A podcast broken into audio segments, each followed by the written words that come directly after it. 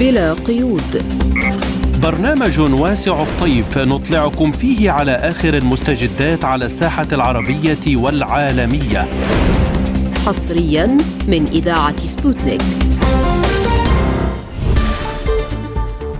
تحية طيبة لكم مستمعينا الكرام وأهلا بكم في حلقة جديدة من برنامج بلا قيود. نرافقكم فيها. أنا عمادة فايلة وأنا نغم كباس والبداية بأبرز العناوين. قصف على خاركوف وتحرير مدينة سوليدار القوات الأمريكية تجند لاجئين من مخيم الركبان في سوريا بصفوف ما يعرف بالجيش الحر. نقابات فرنسا تعلن إضرابا عاما في التاسع عشر من يناير احتجاجا على سياسة الحكومة الاجتماعية. لازلتم تستمعون إلى برنامج بلا قيود.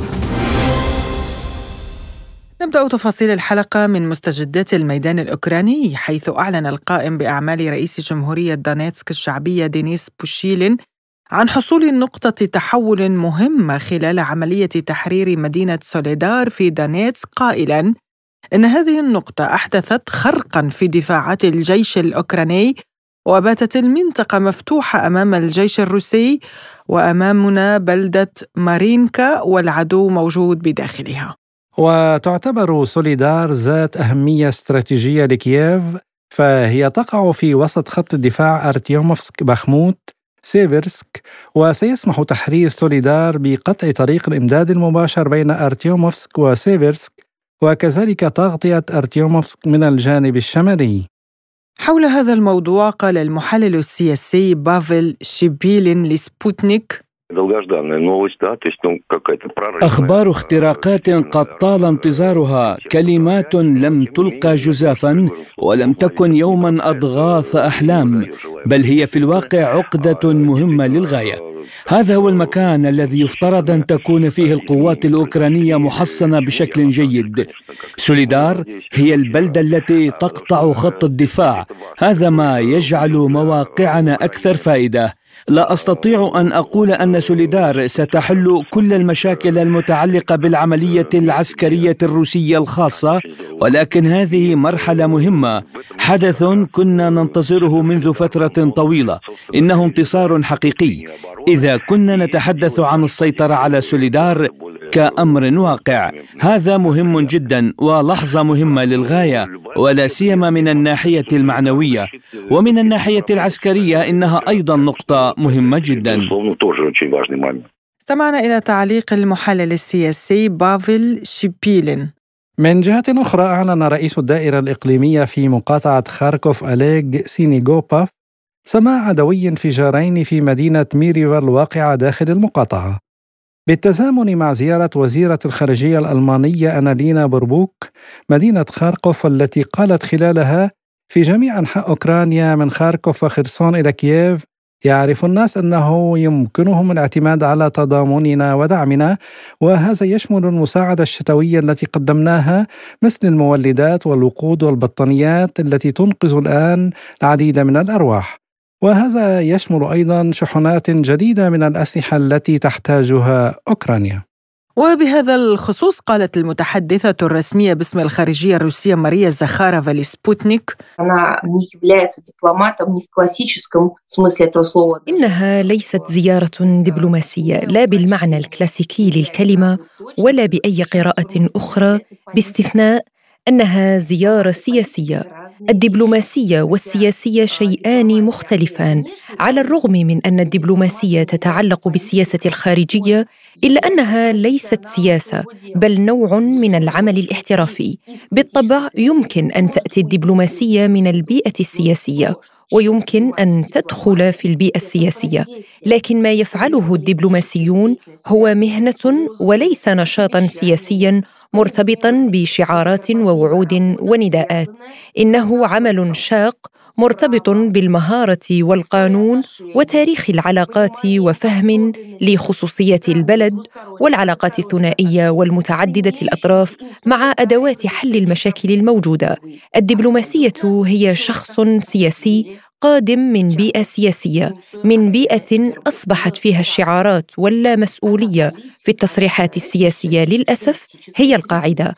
هذا جزء من نشاطها السياسي وما ستكتبه لنفسها ربما في الانتخابات القادمة. أو في أنشطتها للحصول على مكان ما في الهياكل الأوروبية. من الواضح أن الدبلوماسية تفي بالأهداف السياسية المحددة لها ولمهامها الخاصة وأولئك الذين أتوا بها وليس بمهام السياسة الخارجية لبلدها. كانت معنا المتحدثة الرسمية باسم الخارجية الروسية ماريا زخارova لازلتم تستمعون إلى برنامج بلا قيود. وللحديث عن الميدان الأوكراني ينضم إلينا عبر الهاتف الخبير العسكري الاستراتيجي الدكتور عمر المعربوني. أهلا بك دكتور في بلا قيود. تحياتي لكم. يعني أبدأ مما يحدث في الميدان. تحرير سوليدار وأيضا قصف خاركوف. كيف ترى وتقرأ هذه التقدمات الروسية؟ أه تحياتي لكم مجددا لك وللأستاذ عماد. أه في الحقيقة أنا يعني كنت أتوقع يعني خلال هذه الأيام يعني أن يتم تحرير سوليدار لأنه الضغط الذي كانت تقوم به القوات الروسية على هذا الاتجاه كان واضحا من خلال يعني تقهقر القوات الأوكرانية وبالتالي هذه نتيجة طبيعية ومنطقية جاءت بنتيجة ضغط الوحدات الروسية على هذا الاتجاه.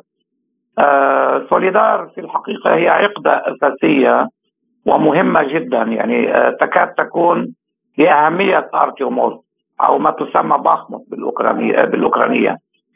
آه، لأنه سوليدار هي عقدة مواصلات أولا.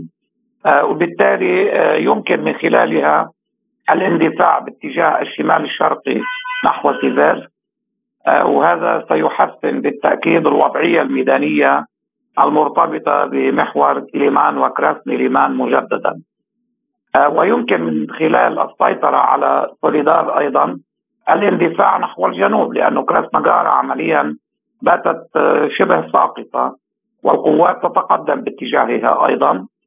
آه، أيضا يعني هناك يعني عقدة مهمة جدا بين كراسنجارا وأرتيوموف وهي ياكديني وهي عقدة المواصلات الأساسية لسكة الحديد والطريق الرئيس الرابط يعني بين سوليدار وارتيموس وبالتالي آه، في حال الوصول إلى هذه العقدة نستطيع القول أن ارتيموس باتت مطوقة آه، من كل الاتجاهات ما عدا الاتجاه الغربي الشمالي بشكل أساسي. نعم دكتور عمر حضرتك أشرت يعني إلى مدينة سوليدار وأمين لكن استراتيجيا ما أهمية سقوط هذه المدينة بيد القوات الروسية؟ هل يمكن القول أنها الطريق نحو أرتيوموفسك أو بخموت؟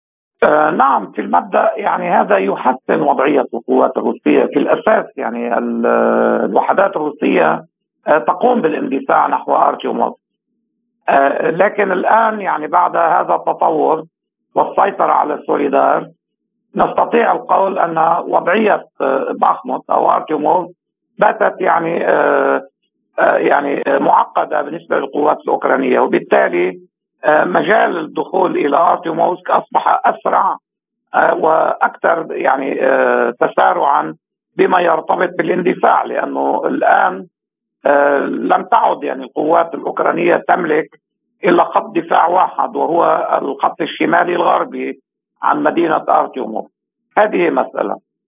المسألة المهمة أن العمليات في سوليدار لا يجب أن تحجب العمليات أيضا آه، في ماريكا بشكل أساسي وأوغليدار على محور أوغليدار.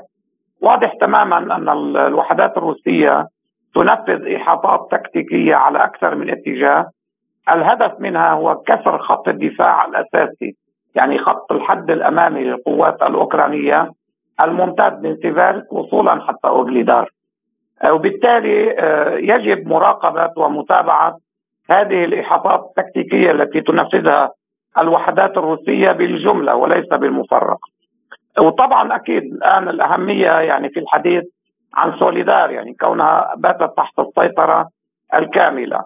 آه، بعد انتهاء الوحدات الروسية من كسر خط الدفاع الأول من أوغليدار جنوبا حتى سيفيرسك شمالا يمكن القول أن العمليات باتجاه كراماتورسك وسلافيانسك وهما من المدن المهمة جدا في جمهورية دونيتسك باتت يعني آه، ميسرة لجهة سرعة الاندفاع واتجاهات الاندفاع لأنه الآن يعني ال ال أيضا من سوليدار يمكن يعني الاندفاع باتجاه آه، ليمان وكراسني ليمان وبالتالي آه، تجاوز العقدة الأساسية التي كانت في السابق وهي يعني منطقة الغابات والاحواض المائية أو المستنقعات التي كانت عائقا آه، بوجه القوات الروسية.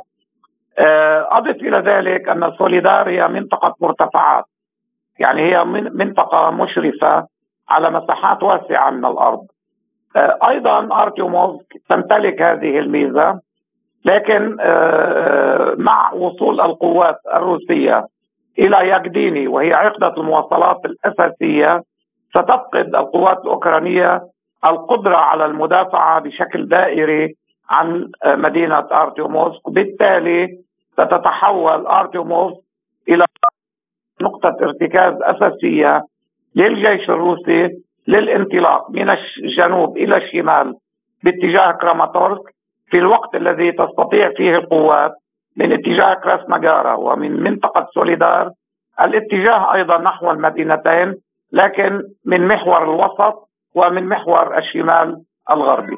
نعم دكتور ماذا عن خاركوف؟ يعني وزيرة الخارجية الألمانية كانت في المدينة بوقت آه، قصفت فيه القوات الروسية المقاطعة.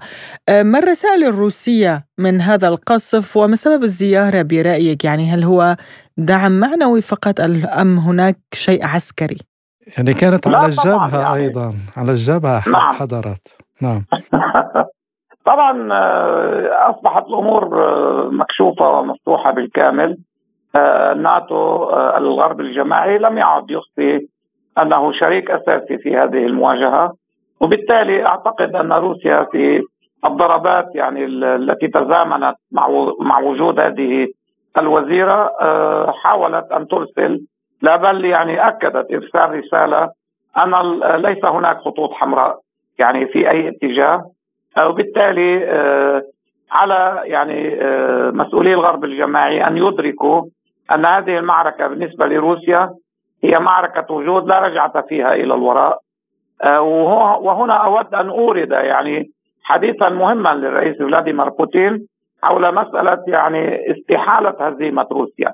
يعني الأمر الغير مسموح والممنوع هو هزيمة روسيا. آه، وطبعا أنا يعني آه، بمقاربات موضوعية بعيدا عن مسألة العواطف والأحاسيس أستطيع أن أجزم بأن الجيش الروسي وضعية جيدة على عكس ما يتم الترويج له في الإعلام الغربي. والدليل على ذلك يعني آه، سقوط سوليدار وهي عقدة أساسية ومهمة آه، هي أحد قلاع خط الدفاع الأساسي للقوات الأوكرانية. كما آه، أرتيوموس كما وكما يعني مناطق أخرى مارينكا مثلا. أيضا أفدييفكا يعني القلعتين الأساسيتين هما وأفدييفكا. تأتي بعدهما سوليدار. آه الآن يعني لن نتفاجأ يعني آه خلال الأيام القادمة أو الأسابيع القادمة أن تستطيع القوات الروسية أن تحرز تقدم حقيقي في اتجاه أفدييفكا وأيضا لكن بتقديري الأولوية الآن للسيطرة على أرتيوموس بشكل أساسي. نعم دكتور عمر سؤال أخير يعني استراتيجيا حضرتك تحدثت يعني عن أهمية واستراتيجية سقوط سوليدير لكن معنويا هل يمكن أن تؤدي إلى ضرب معنويات الجيش الأوكراني وبالتالي يعني تظهر المعنويات الهابطة لديهم؟ بالتاكيد يعني أنا شاهدت مجموعة من الفيديوهات يعني لجنود أوكرانيين يعني في حالة الفرار. وهذا الأمر سينعكس أيضا بعد أو سيتضاعف بالأصح بعد آه، سقوط أرتيوموفسك التي بات قريبا. يعني هذا سقوط مؤكد. يعني لا لم تعد القوات الأوكرانية آه، تنفيذ يعني مناورات يعني في هذه المنطقة. هي في وضعية سيئة.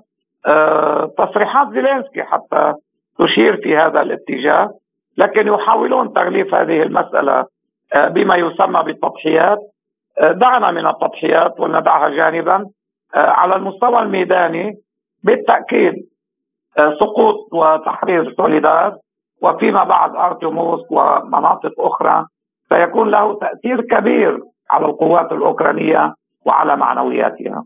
نعم شكرا جزيلا لك الخبير العسكري الاستراتيجي الدكتور عمر المعربوني. كنت معنا عبر الهاتف. شكرا لك دكتور شكرا. شكرا جزيلا دكتور عمر. شكرا شكرا جزيلا.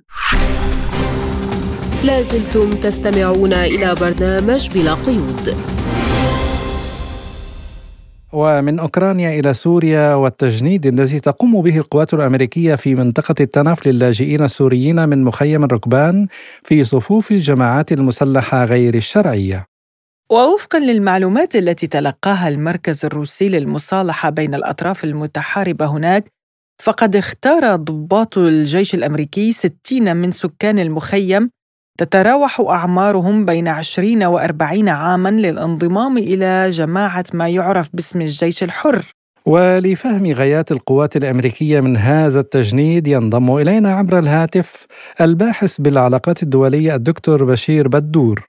أهلا بك يا دكتور في بلا قيود ودعنا نبدأ من الأسباب التي دفعت القوات الأمريكية للاستثمار في الجيش الحر ولماذا تدعم واشنطن المتطرفين؟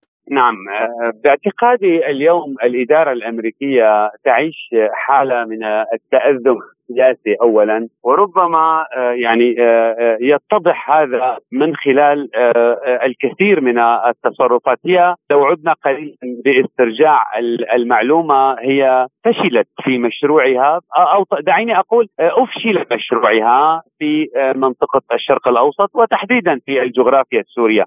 هذا جانب. المقلب الآخر هناك آه، اليوم ربما آه، حالة نهضوية دولية خاصة ما تقوم به الدولة الروسية من عمليات في أوكرانيا. وأيضا يعتبر هذا الأمر آه، يعني إفشال لسياسة الإدارة الأمريكية من قبل الدولة الروسية أو المحور الاوراسي بشكل عام تجاه المنطقة الاوراسيه، اليوم هناك الكثير من الدول تسحب دعيني أقول يعني دعمها أو وقوفها إلى جانب الإدارة الأمريكية للمعرفه حقيقيه تجاه هذه الإدارة بأنها فاشلة من حيث الاتحادية القطبية.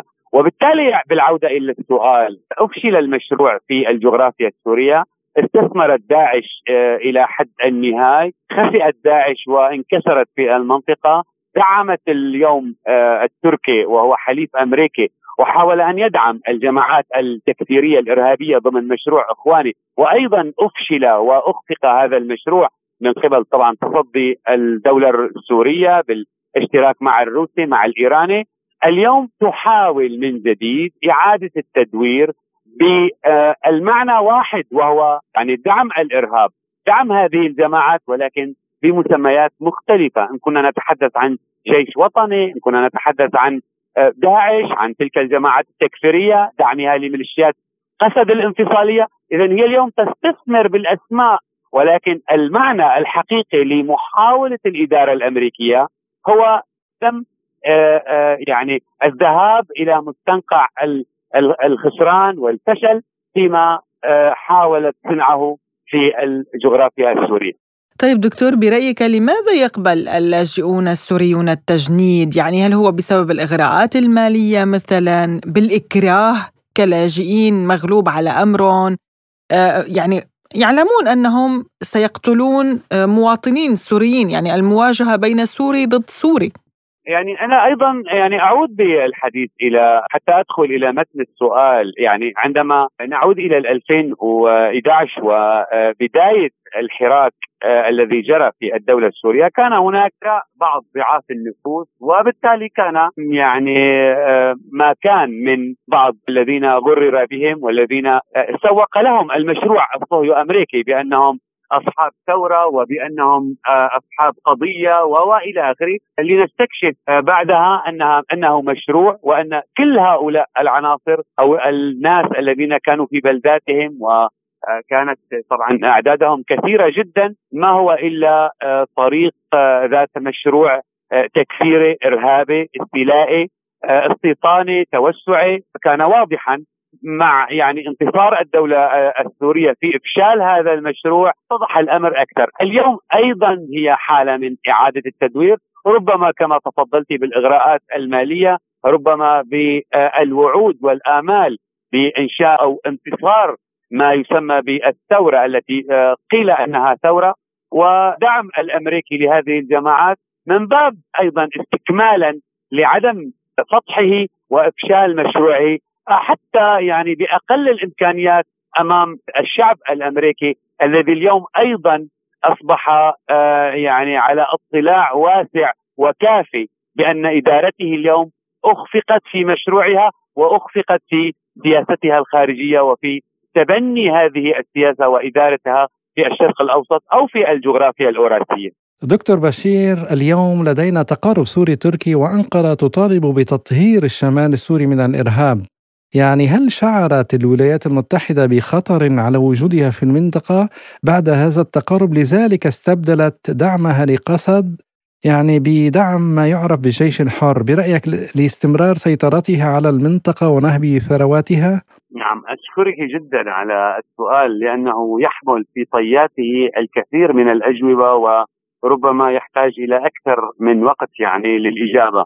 اولا نفصل في أن التركي اليوم هذا الجار ما هو إلا يعني من خلال ما رأيناه بدعمه للإرهاب، بدعمه للجماعات التكفيرية بمختلف مسمياتها نصرة و... و... وإسلاموية طبعا، هذا جانب. بفتح الحدود لمسافة 800 كيلومتر على آه، الدولة السورية وتدفق الإرهاب تجاه الدولة السورية. أيضا هذا آه، معلومة. تتريك المنطقة في الشمال من تبديل اللغة والمدارس والعمولات ورفع العلم فوق المؤسسات الرسمية. هذا أيضا جانب يحتسب آه، التوغل لمسافة 30 كيلومتر والمطالبة بمنطقة آمنة. أيضا هذا جانب. إذا كل هذه آه، الجوانب من التركي توحي بأنه وليس من باب الإيحاء من باب التأكيد على أنه هو آه، عميل أو مشارك الإدارة الأمريكية. ولكن أتى هذه التشاركية أتت بحجة أنه يحمي الأمن القومي التركي إن كان من ميليشيات قسد أو من حزب ال PKK أو الأكراد بشكل عام،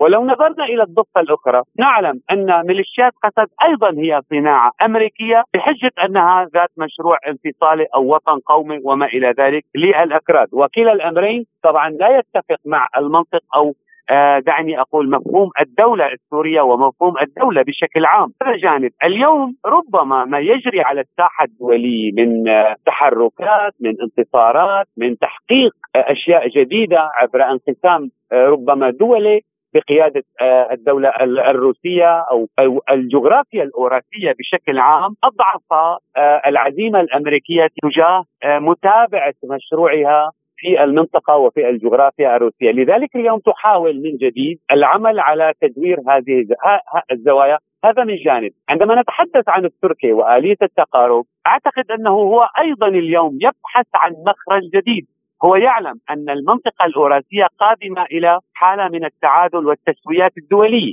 ويعلم أنه سيكون خارج الحلقة.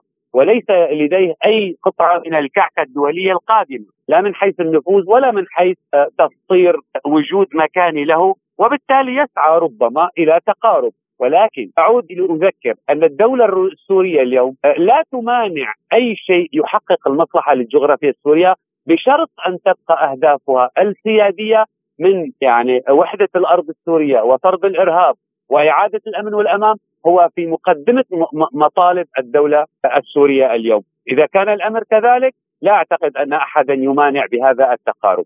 طيب دكتور يعني ما هي الإجراءات اليوم التي يمكن أن تتخذها السلطات السورية لمنع آه، مثل هذا التجنيد من قبل الولايات المتحدة؟ يعني هل تلجأ إلى الأمم المتحدة؟ هل تلجأ إلى المنظمات الحقوقية والإنسانية؟ ماذا يمكن أن تفعل السلطات؟ يا سيدتي اولا اليوم في غياب احترام القانون الدولي والتي اليوم آه، تسيطر عليه الإدارة الأمريكية بمفاصله السياسية والمنظمات والبروتوكولات وتخترق هذه المنظمات وتخترق هذه المواد القانونية. أعتقد أن اللجوء إلى الأمم المتحدة والمسيسه أيضا عبر سياسه التبعية، إن كنا نتحدث عن أعضاء الاتحاد الأوروبي في هذه المنظمة أو غير ذلك من الدول التي تنتمي إلى هذه المنظمة وكلهم يعني في حالة التبعية للإدارة الأمريكية. إذا من غير الجدوى أن نقول أننا سنقدم نحن نقدم ونلتزم بالشق القانوني آه، بأن نرفع إلى الأمم المتحدة يعني ما يجري اليوم أو ما تخوضه الإدارة الأمريكية في هذا الإطار من تجنيد وغيرها، ولكن لا أعتقد أن الأمر يعني سيلاقي آه، آذانا آه، صاغية في ظل كما ذكرت الإدارة الأمريكية، اذا اليوم الحل هو أن تكون هناك مقاومة شعبية وأكد السيد الرئيس بشار الاسد على هذا الأمر أن المقاومة الشعبية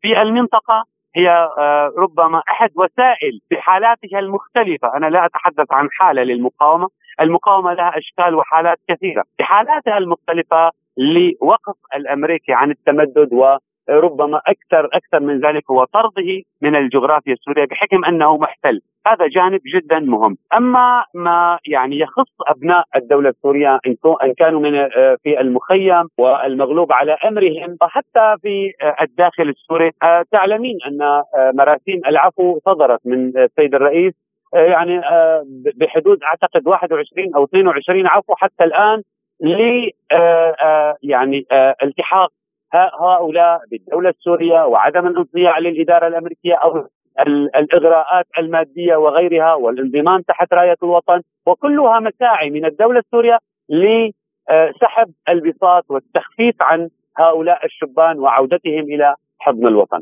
الباحث في العلاقات الدولية الدكتور بشير بدور شكرا جزيلا لك. لازلتم تستمعون إلى برنامج بلا قيود.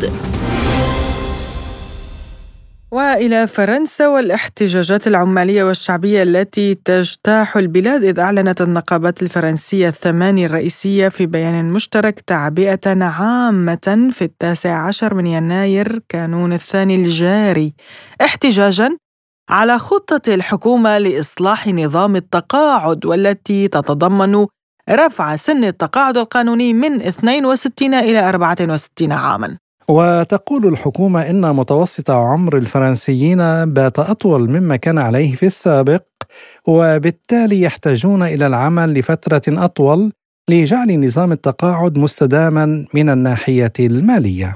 من جهتها أعربت نقابات عمالية فرنسية تنتمي لتياري يسار الوسط واليسار المتشدد بالإجماع عن رفضها للتعديلات المقترحة بعد محادثات مع رئيسة الوزراء بورن الأسبوع الماضي.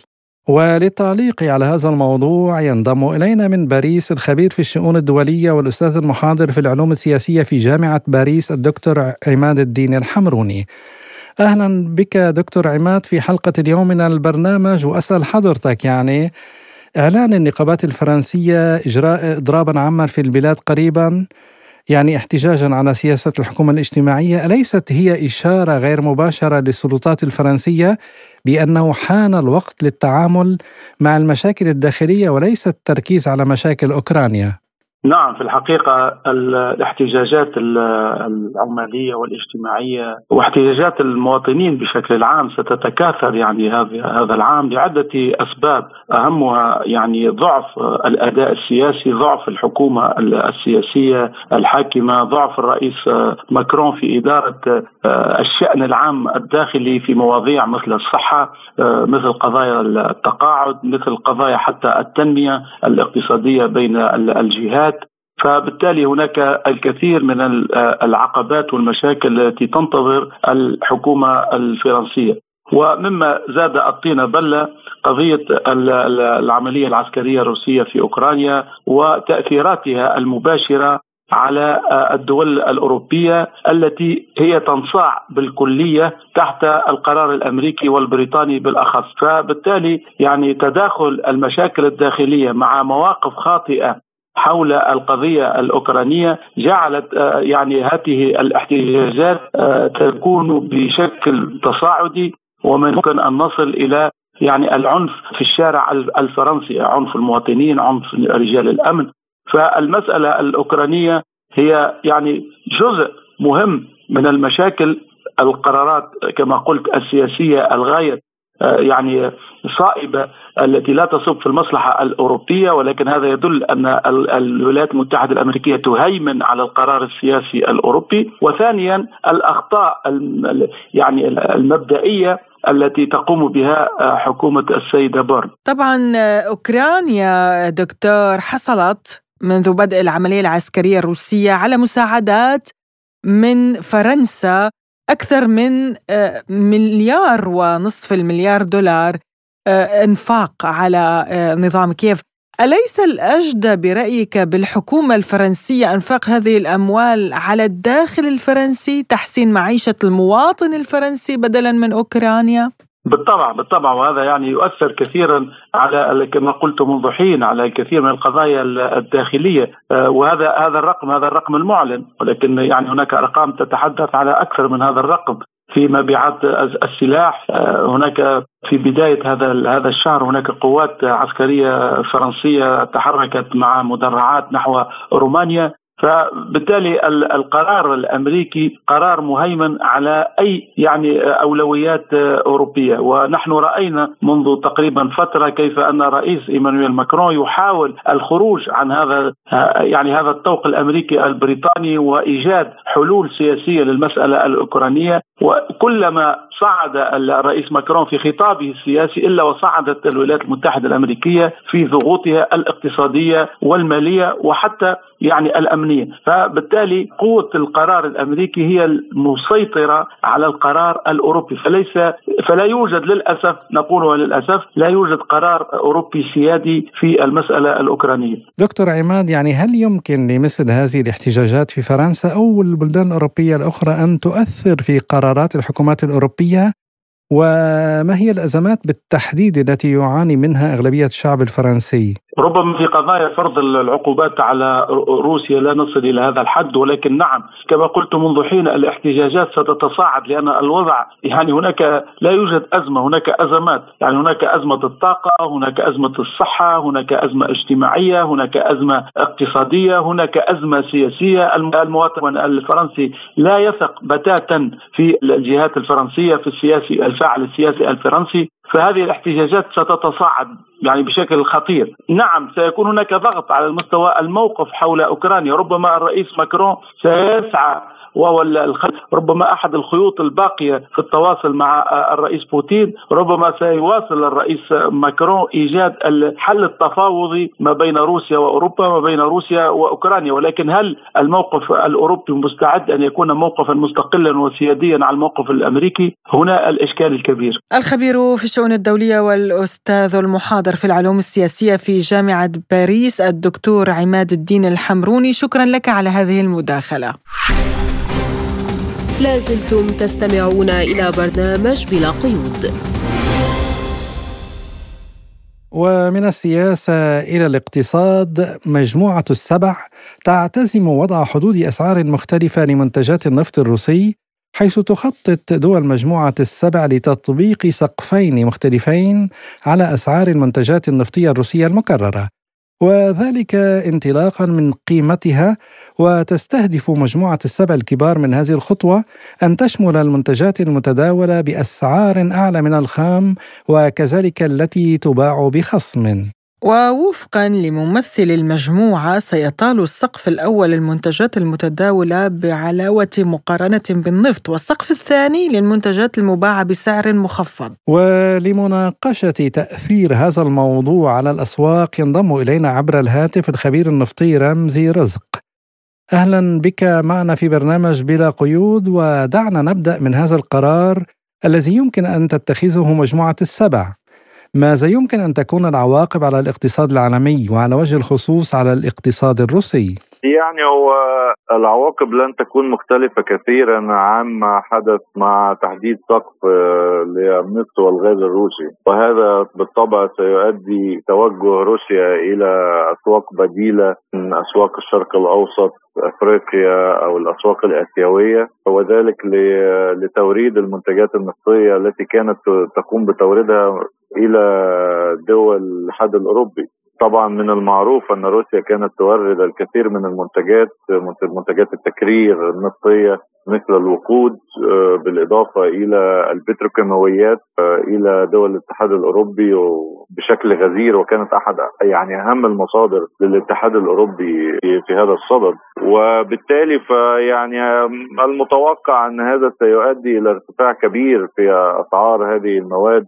في الأسواق الأوروبية وسيؤدي إلى زيادة آه، معاناة الاقتصاد الأوروبي بشكل عام بينما ستجني فوائد هذه العقوبات دول أخرى تعتبرها روسيا دول صديقة مثل الصين والهند ودول الشرق الأوسط آه، مثل إيران و آه، وحتى في دول الخليج وشمال أفريقيا. لا نتوقع أي تحسن اقتصادي ينعكس على الاتحاد الأوروبي كنتيجة لهذه الخطوة. يعني أستاذ رمزي مجموعة السبع تقول إنها تقدم على هذه الخطوات واحدة تلو الأخرى للضغط على روسيا لمنع استمرار العملية العسكرية في أوكرانيا فهل سيؤثر هذا بطريقة ما على مسار العملية الخاصة برأيك؟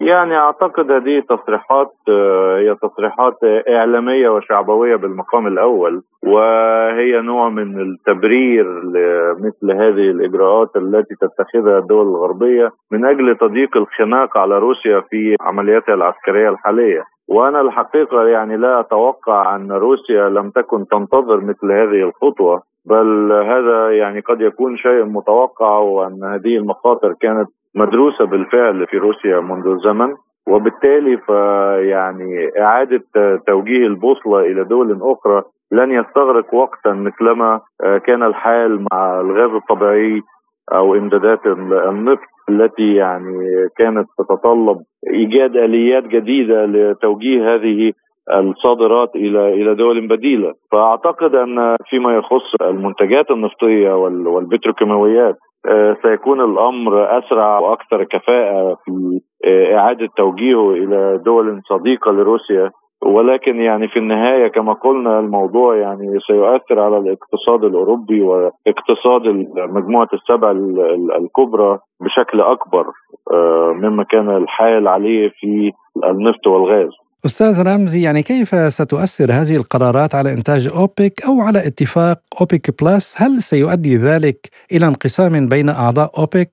يعني نحن جميعا نعلم أن منظمة أوبك آه، حاليا هي منظمة يعني تقوم آه، أو أو هو تجمع تجمع لدول للدول المصدرة للنفط. آه، تقوم تنسيق كبير جدا مع روسيا الاتحادية وذلك عبر ما نعرفه بالأوبك بلس.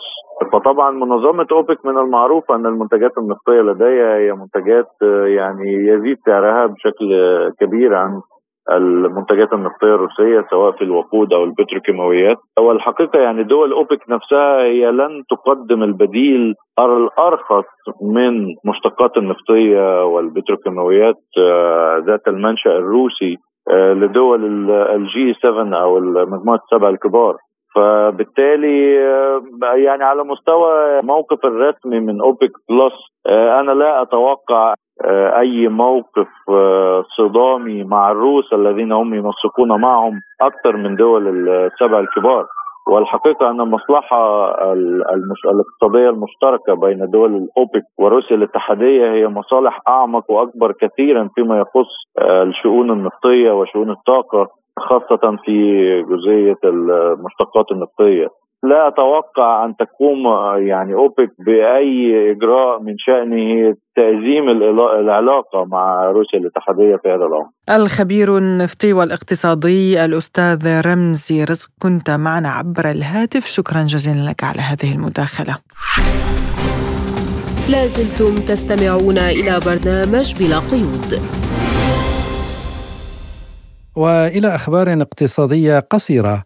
واصلت روسيا رغم عطلة رأس السنة الجديدة شحن الحبوب للتصدير إلى مختلف دول العالم وعلى رأسها مصر حيث زادت الصادرات في الفترة من الأول من يناير إلى الثامن من يناير ووفقا لها مصر هي الدولة صاحبة الريادة في استيراد القمح الروسي خلال شهر يناير ووفقا لها مصر هي الدولة صاحبة الريادة في استيراد القمح الروسي خلال شهر يناير حيث تم شحن 191.5 طن إلى مصر مقابل 103 ألاف طن قبل عام. وفي الأيام الأولى من يناير تم إرسال 132 ألف طن إلى باكستان وتكثيف الشحنات إلى الجزائر.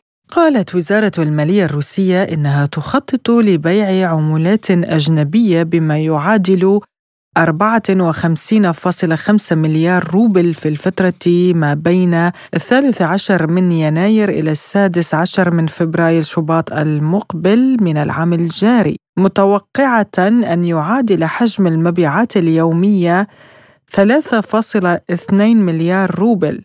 مشيرة إلى أنه من المتوقع تراجع عائدات الميزانية من صادرات النفط والغاز في شهر يناير الجاري. انخفض الجنيه المصري مقابل الدولار إلى مستوى قياسي منخفض جديد بعد يوم من تأكيد صندوق النقد الدولي على تبني البلاد نظام سعر صرف مرن حيث تجاوز سعر الصرف مستوى 30 جنيها للدولار الواحد وهو أعلى مستوى للعملة الخضراء مقابل الجنيه المصري على الإطلاق دخلت شركة السيارات الصينية شيري السوق الجزائرية بشكل رسمي بعد حصولها على تصريح لتوريد السيارات إلى البلاد لأول مرة. وقال رئيس المنظمة الجزائرية لحماية المستهلك مصطفى زبدي إن الشركة قد حصلت على الرخصة المؤقتة الأولى لتوريد السيارات إلى الجزائر. لازلتم تستمعون إلى برنامج بلا قيود. وإلى لبنان حيث أعلن وزير الصحة في حكومة تصريف الأعمال فراس أبيض أنه تم اتخاذ قرار برفع الدعم كليا عن حليب الأطفال بأنواعه كافة وأوضح أبيض أن القرار سببه عدم توفر خطة قادرة على ضبط التهريب والبيع في السوق وأن الكميات التي كانت تصل عند الدعم كانت تكفي بلدين وعلى الأرجح كنا نشتري الحليب لبلدين بدلالة واضحة على تهريب الحليب إلى سوريا. وللتعليق على هذا الموضوع ينضم إلينا من بيروت رئيس الاتحاد الوطني لنقابات العمال والمستخدمين في لبنان كاسترو عبد الله. أهلا ومرحبا بك أستاذ كاسترو في حلقة اليوم من البرنامج وأسألك يعني كيف تصف حالة المواطنين الاقتصادية في الظروف الحالية التي يمر بها لبنان؟ وهل قرار وزير الصحة هذا سيحل مشكلة حليب الأطفال ويصبح متوفرا في السوق؟ الحقيقة طبعا هذا من ضمن المآسي اللي نحن عم نعيشها بلبنان آه وصلنا لهذا الدرب إنه حتى الحليب الأطفال ينرفع الدعم عنه من قبل هذه السلطة الفاسدة اللي موجودة بلبنان. وهيدا كمان مؤشر قديش حجم الفساد الكبير اللي موجود بلبنان من قبل الكرتلات والاحتكارات واللي مش بس عم تحتكر كمان عم بتهرب هاي المواد المواد الغذائية والحليب الأطفال والأدوية وكل هيدي الأمور وحتى المحروقات. وبالتالي نحن معه حق بمطرح يقول أنه نحن يمكن لدولتين عم هذا الاستهلاك بكفي لدولتين. ولكن نحن يمكن يكون أكثر لأنه كمان عندنا اللاجئين الفلسطينيين واللاجئين السوريين وعندنا العمال المهاجرين. وبالتالي هذا آه، بمكان ما بيطلع إنه نحن في عنا تجارة ناشطة لهي الكارتلات ولكن هيدي السلطة المتخلية عن دورها باحصاء هيدي المواد الغذائية والمواد الاستهلاكية والطبية وغيرها وحليب الأطفال وتركيتها بيد الاحتكارات وكرتلات الكرتلات والمافيات للي عم تتحكم بالفقراء وبلقمة عيشهم. إضافة أنه نحن إلى جانب الانهيار الاقتصادي والمالي يظل ما زال نحن نعاني بعد ثلاث سنين من احتجاز لأموال الناس بالمصارف وما زال مجلس النواب عم بيناقش إذا بيعمل قانون ال capital control أو غيره. طيب أستاذ كاسترو يعني برأيك هل ستزيد هذه القرارات من حدة الاحتجاجات في لبنان؟ كيف سيكون الرد الشعبي على ذلك؟ يعني الموضوع متعلق بالأطفال بالإنجاب بكثير من الأشياء.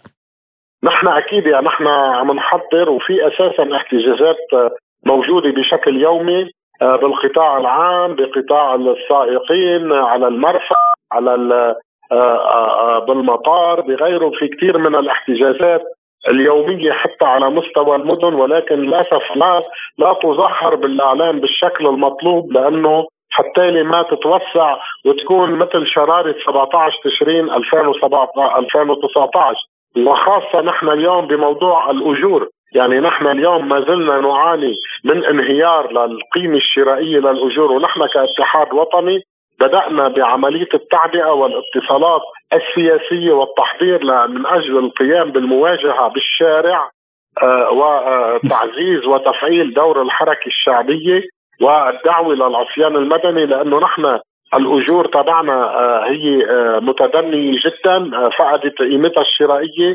نحن عندنا أكثر من 84% أصبحوا تحت خط المجاعة والفقر. استنادا لدراسات الأمم المتحدة وبالتالي يمكن الوضع أسوأ والوضع مزري أكثر. لذلك نحن نطالب بإعادة القوة الشرائية من خلال تصحيح الأجور والدولرة للأجور مثل ما صاروا أصحاب التجار والكرتلات والاحتكارات دولرة كل شيء مثل ما دولروا حق حليب الأطفال والأدوية والمواد الغذائية وقطع السيارات والقطع الكهربائية كل شيء اليوم صار على الدولار. لذلك نحن نطالب بانه يتحول الرواتب تبعنا ان كان بالقطاع العام ولا بالقطاع الخاص إلى آه، الدولار لأنه نحن إذا أخذنا كان الحد الأدنى قبل الأزمة قبل 17 تشرين كان الحد الأدنى للأجور يوازي 450 دولار فاليوم ما بيجاوب على السعر الرسمي ما بيتجاوز ال 17 دولار على لأنه بعده السعر الحد الأدنى للأجور هو 675 ألف ليرة. والزيادات أو مش الزيادات هذه المساعدات الاجتماعية اللي انعطت للقطاع الخاص لحد المليونين و600 ألف والقطاع العام. كذلك الأمر عم يكون هلأ بحدود الأربعة مليون ليرة. اللي هن ما دون ال 100 دولار أو ال 50 دولار بالقطاع الخاص. وبالتالي المطلوب أكثر آه، للناس حتى تعيش. لذلك نحن ما في إلا عملية المواجهة وما نشهده للأسف من تحركات امبارح بالأمس كان في إطلاق نار من المحتجين على المصارف لأنه في عملية احتجاز للأموال الناس بدها تدخل على المستشفيات مش عم تقدر تأمن دخول المستشفى لأنه ودايعها محتجزة والمصارف عم بتروح بتعمل عمليات الصيرفة والضريبة والمضاربة بمصريات بالمصريات المحتجزة للناس. وما بتعطي الناس آه، مصرياتها. كيف فيهم يفسروا لنا هذه مئات الملايين آه، من الدولارات يوميا على سعر المنصة اللي بتصير عملية الصيرفة عليها ومش قادرة يدفعوا للناس أموالها؟ لذلك عملية المواجهة حكما قادمة آه، الصراع راح يكون آه، آه، مشتد في الفترة القادمة أستاذ كاسترو في ظل هذه الأوضاع الاقتصادية السيئة التي يعاني منها لبنان كيف سيكون تأثير هذه الأزمات على الأوضاع الاجتماعية والديمغرافية؟ أكثر من هيك يعني أنه نحن آه، مش بس إنه عندنا مشكله صار بالزواجات وانعكس على الحياة الاجتماعية للناس في نسبة طلاق كبيرة صارت في أطفال مشردة اليوم بالشارع حتى الجمعيات الخيرية مش قادرة تقوم بواجبات هذه الناس أكثر من هيك اليوم.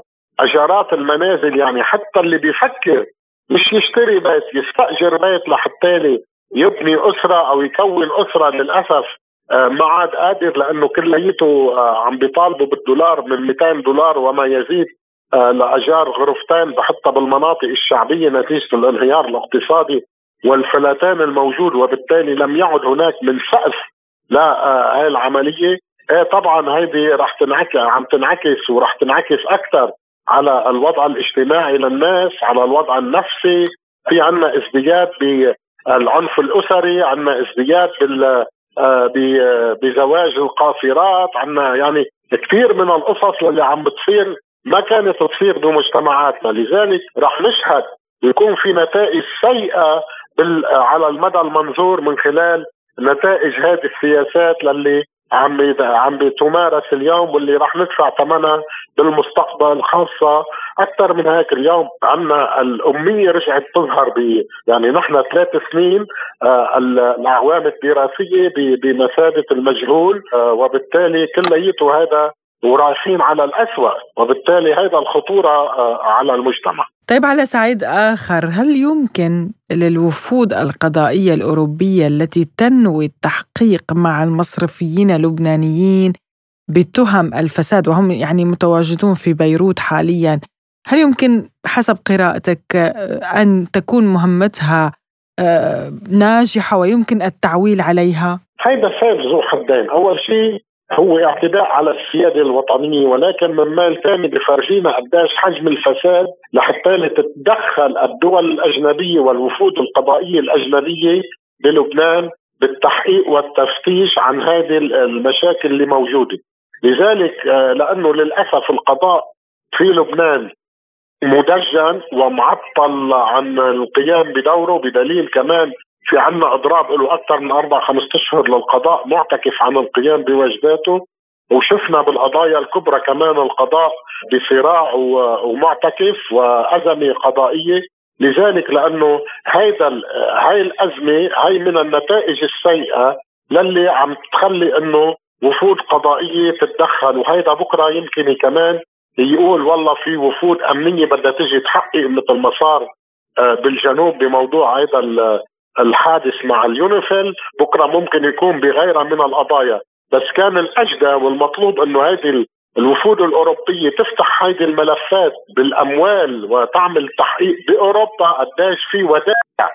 آه لهي المافيات اللبنانية للي هربت أموالها على أوروبا وبالتالي آه نهبت المال العام وبالتالي مطلوب التحقيق يبدأ من هونيك وفتح هاي الملفات واحالتهم آه، آه، أمام الأنتربول واستدعائهم مش يكون القصة مثل ما عم بيحاولوا هلأ يهولوها إنه فلان بنزيحه على جنب آه، لأنه حدد وفلان بنحطه على جنب وبالتالي راح يكون الموضوع شكلي.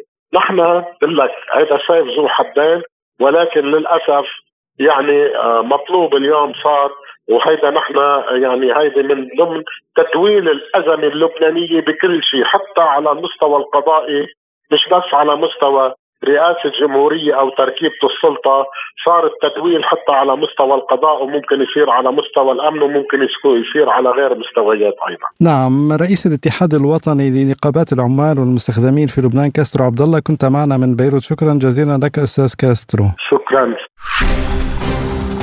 لازلتم تستمعون إلى برنامج بلا قيود. وإلى ملفنا الأخير إذ كشفت صحيفة عبرية النقاب عن استقدام السلطات الإسرائيلية لعمال من الصين على حساب العمالة الفلسطينية حيث وافقت السلطات الإسرائيلية على دخول نحو ثلاثة ألاف عامل من الصين إلى البلاد بعد رفع قيود فيروس كورونا وسيتم تشغيلها في فرع البناء والتشييد مشيرة إلى أنه يتوقع استخدام المزيد من العمال الأجانب خاصة الصينيين منهم وذلك على حساب العمال الفلسطينيين. ونوهت الصحيفة إلى أنه يعمل في الداخل الإسرائيلي نحو 80 ألف عامل فلسطيني من الضفة الغربية ونحو 23400 عامل أجنبي يعملون في عمليات البناء تحديدا مضيفة أنه من المتوقع استقدام نحو عشرة ألاف عامل من الصين خلال العام. وللتعليق على أسباب ودلالات هذا القرار الإسرائيلي نستضيف من بيت لحم أستاذ القضية الفلسطينية في جامعة القدس المفتوحة الدكتور أسعد العواوي. أهلا ومرحبا بك دكتور أسعد ضيفا عزيزا في حلقة اليوم من البرنامج. أسأل حضرتك يعني ما هي أبعاد ودلالات هذا الموقف الإسرائيلي؟ في عقاب انتخاب وتشكيل الحكومة الأكثر تطرف ويمينية.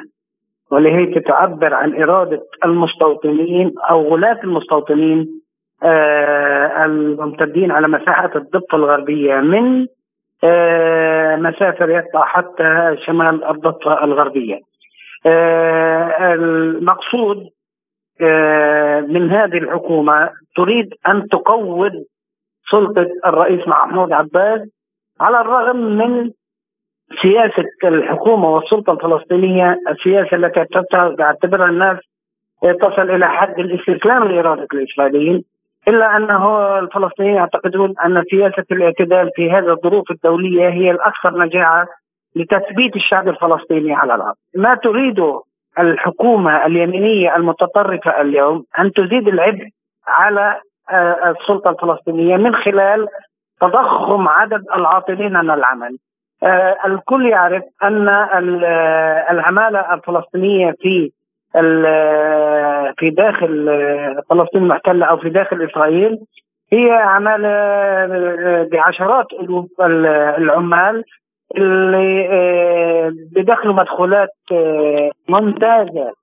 نعم دكتور يعني نحو ثمانين ألف عامل فلسطيني في الداخل الإسرائيلي. آه، صحيح في حوالي مئة ألف عامل قانوني يعملون من خلال آه، مكتب العمل بشكل قانوني آه، وفي أضعاف مئات ألوف العمال يعملون بغير واليوم يتم الاستعاضة عنهم. إسرائيل اليوم تستعيد عنهم بعمالة من الصين ومن مولدوفا. هذه السياسة الإسرائيلية استعملتها هي قديمة حديثة استعملتها الحكومة الإسرائيلية في أعقاب الانقضاض على السلطة في بداية الانتفاضة الثانية في انتفاضة الألفين المسلحة.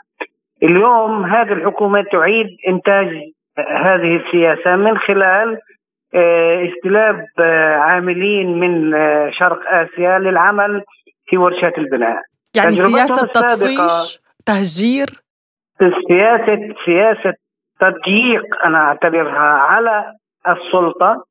بحيث تزيد نسبة البطالة في المجتمع الفلسطيني وهذا ممكن أن يؤدي إلى انقضاض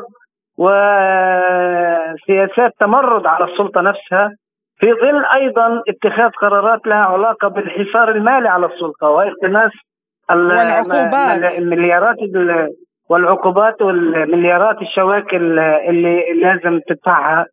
حكومة الاحتلال للسلطة الفلسطينية. هذه سياسة ممنهجة مبرمجة من دكتور أسعد يعني ما الذي تستفيد منه آه، إسرائيل في حال يعني آه، انهيار السلطة الفلسطينية؟ يعني السلطة الفلسطينية على علاقة جيدة معها. إسرائيل تريد أن آه، تضم أكثر في هذه الحكومة الاستراتيجية تبعتها ضم المستوطنات في الضفة الغربية وضم مساحة ما يزيد عن 60% من مساحة الضفة الغربية إلى دولة إسرائيل. هذا يعني بالتالي لا يمكن أن يكون آه، أفق لقيام أي كيان فلسطيني مستقل على الإطلاق. هي تريد أن تضع الفلسطينيين في معازل مختلفة وأن يحكم هؤلاء الفلسطينيين آه، آه، اللي هي البلديات وحكومات البلديات كما تسميها. وبالتالي يعني الأفق السياسي وحل الدولتين في مهب الريح بالنسبة لكل الحكومات الإسرائيلية. بس هذه الحكومة الأكثر منيه وأكثر تطرف والأكثر صراحة التي تعبر عن ما يزول في داخل نعم شكرا جزيلا لك الدكتور اسعد العواوي أستاذ القضية الفلسطينية في جامعة القدس المفتوحة. كنت معنا عبر الهاتف. شكرا على هذه المداخلة. شكرا جزيلا.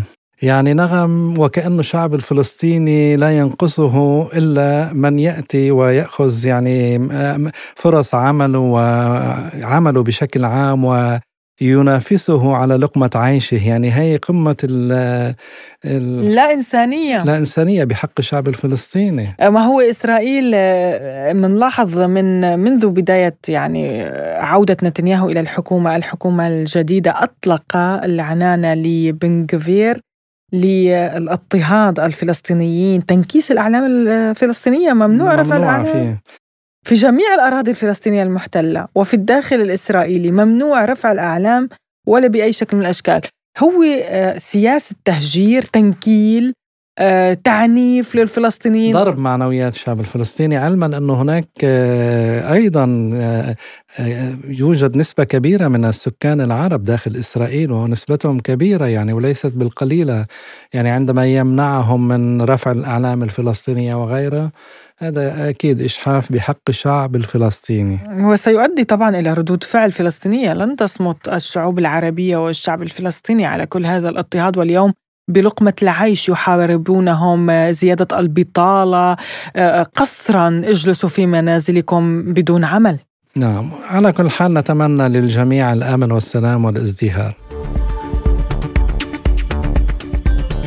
بملف العمالة الصينية مقابل الفلسطينية. نأتي إلى ختام حلقة اليوم من بلا قيود. قدمناها لكم من استديوهاتنا في موسكو. أنا نغم كباس وأنا عماد طفيلي وشكرا لإصغائكم وإلى اللقاء. وأيضا لا تنسوا المزيد من المتابعة لسبوتنيك على الموقع الإلكتروني الرسمي سبوتنيك Arabic dot ae وأيضا قناتنا على تيليجرام دمتم بأمان الله.